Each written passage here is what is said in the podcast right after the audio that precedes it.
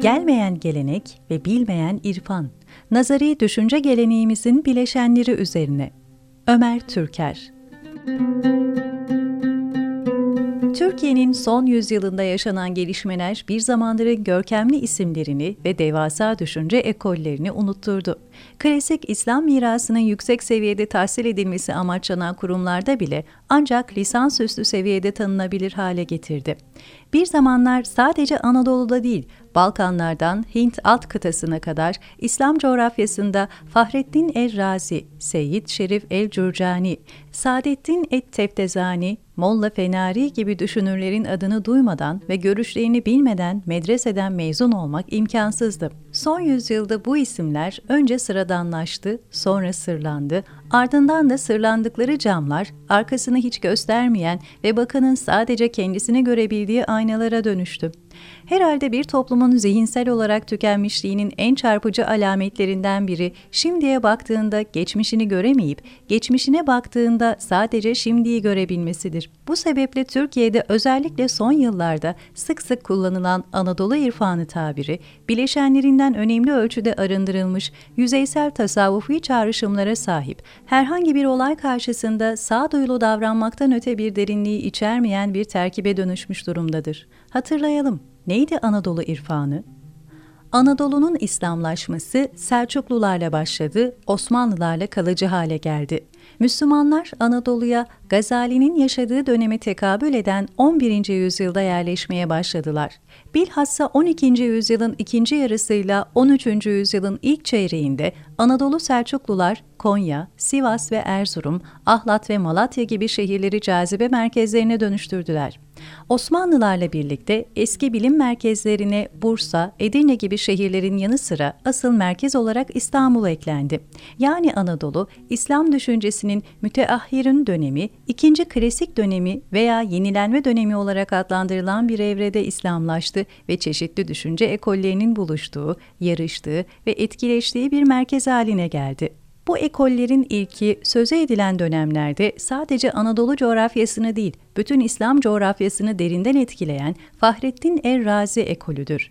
Gazali sonrasındaki kelam ve felsefe okullarının kurucu düşünürü olarak Fahrettin Er-Razi, İslam'da nazari düşünce geleneklerinin buluştuğu şahsiyettir. Onun eserleri hem eşarilik ve mutezile gibi kelam geleneğinde hem de İbn Sina'da yüksek ifadesini bulan felsefe geleneğinde ileri sürülen görüşlerin gerekçeleriyle birlikte ortaya konulduğu, yeniden düzenlendiği ve karşılaştırmalı bir okumaya tabi tutulduğu eleştirel metinlerdir. Onu 3. yüzyıl ve sonrasında yazılan ve 19. yüzyıla kadar İslam dünyasında kelami ve felsefi düşünceye kaynaklık eden bütün temel eserler, Razi'nin talebeleri ve takipçileri tarafından onun eleştirel yöntemi esas alınarak yazılmıştır. Esirüddin el-Ebheri, Nasirüddin et-Tusi, Siracüddin el-Urmevi, Katibi Kazvini, Kutbüddin el-Razi, Abudiddin el-İci, Saadettin et-Teftezani, Seyyid Şerif el-Cürcani gibi Selçuklu'nun son dönemlerinden itibaren medrese geleneğine damgasını vuran tüm isimlerin eserleri, Razi'nin eserlerinin türevleridir. Burada sadece Osmanlı döneminde üst düzey kelam ve felsefe metinleri olarak Şerhül Makasit ve El Muhakemat'ın yazarlarının yalnızca icazet silsilelerinin değil, yöntem, tertip ve tasniflerinin de Fahrettin Er-Razi'ye dayandığını hatırlamak yeterlidir. Razi geleneği sadece kelam ve felsefede değil, aynı zamanda mantık, cedel, dil bilimleri ve fıkıh usulü gibi yöntem disiplinlerinde hakim tavır haline gelmiş ve bu gelenek içinde yetişen düşünürlerin yöntem disiplinleri hakkındaki eserleri sonraki yüzyıllara damgasını vurmuştur. Selçuklular, Memlüklüler, Timurlular ve nihayet Osmanlılar, yönetici sınıfın Türk olduğu hanedanlıklardı. Bunlar arasında önceleri Selçuklu yaklaşık 300 yıl Doğu İslam coğrafyasının kahir ekseriyetini birleştirdi. Daha sonra Osmanlılar Batı İslam dünyasının da ana merkezlerini kuşatan büyük bir İslam devleti kurmayı ve uzun süre ayakta kalmayı başardılar. Türk olan bu iki devlet her ne kadar milliyet esasına dayanan bir devlet olmasa da neşet ettiği Türkistan ve Mavera Ünnehir bölgesinin alim ve düşünürlerini Irak, Suriye, Mısır, Anadolu ve Balkanlara taşıdılar. Mavera Ünnehir bölgesi ise Hanefi fıkhı ve usulüyle Maturidi kelamının hakim olduğu bölgelerdi. Sadruş Şeria, Teftezani ve Cürcani gibi büyük usul ve kelam alimleri Mavera Ünnehir ve Türkistan'daki Hanefi okulunu İslam dünyasının diğer bölgelerinde gelişen düşünce akımlarının görüşlerini de dikkate alarak yenilemeyi başardı. Türk hanedanlıklarla birlikte bu bölgelerde gelişen usul ve kelam birikimi Anadolu ve Balkanlara taşındı. Bu sebeple Osmanlı medreselerinde başlangıçta meşhur Maturidi alimi Ömer en-Nesefi'nin akaidine Teftezani'nin yazdığı şerh üzerine kaleme alınan haşiyelerle, sonrasında ise müstakil teliflerle hatırı sayılır bir Maturidi kelamı edebiyatı oluştu. Diğer yandan Sadruş Şeria'nın telvihi üzerine çalışmaların kesintisiz devam etmesi sayesinde Doğu İslam dünyasında gelişen usul geleneği Anadolu'da yeniden üretilmeye devam etti. Böylece Türk hanedanlıklar sadece Türk törelerinin pratik uygulamasını Anadolu ve ötesine taşımakla kalmadılar. Aynı zamanda Türk bölgelerinde gelişen fıkıh, Usul ve kelam birikimini de Anadolu ve ötesine taşıyarak merkezi İstanbul olan yeni bir medrese geleneğine hayat verdiler.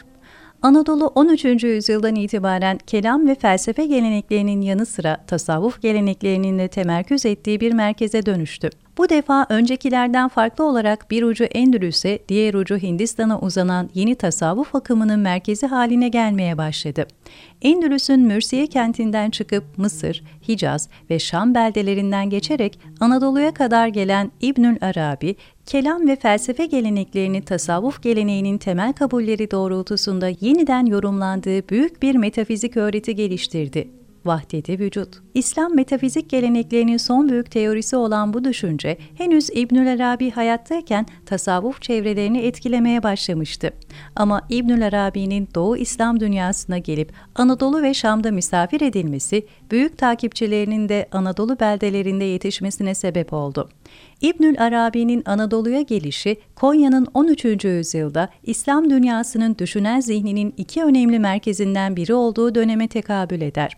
Nitekim onun en büyük takipçisi ve aynı zamanda tecrübelerini ortak kabul edilen Sadreddin el-Konevi'nin Konya'da bulunduğu sırada şehir aynı zamanda biri Beh kökenli mutasavvıf, diğeri Azerbaycan kökenli Razi geleneği mensubu iki büyük düşünüre de ev sahipliği yapıyordu. Mevlana ve Siraceddin el-Urmevi yani İbnül Arabi düşüncesinin Anadolu'ya gelişinden önce bu topraklarda Türkistan ve Mavera Ünnehir bölgelerinden gelen güçlü bir tasavvuf geleneği vardı. Bu gelenek Yusuf Hemedani, Ahmet Yesevi ve Abdülhalik Güçlüvani gibi melamet neşvesi taşıyan ama medrese geleneğinde de eğitim görmüş büyük pirlerin öncülüğünde şekillenmişti. İbnül Arabi'nin bir yandan melamet tavrını ilahi isimlerin yeni bir yorumuyla teorileştiren, diğer yandan Mutezile, Eşarilik ve Meşrailiğin bilgi ve varlık tartışmalarını bu teorinin bir parçasına dönüştüren yeni yorumu, Anadolu'nun tasavvuf hareketlerinin kendisini hem anlayabileceği hem de ifade edebileceği bir büyük teoriye dönüştü.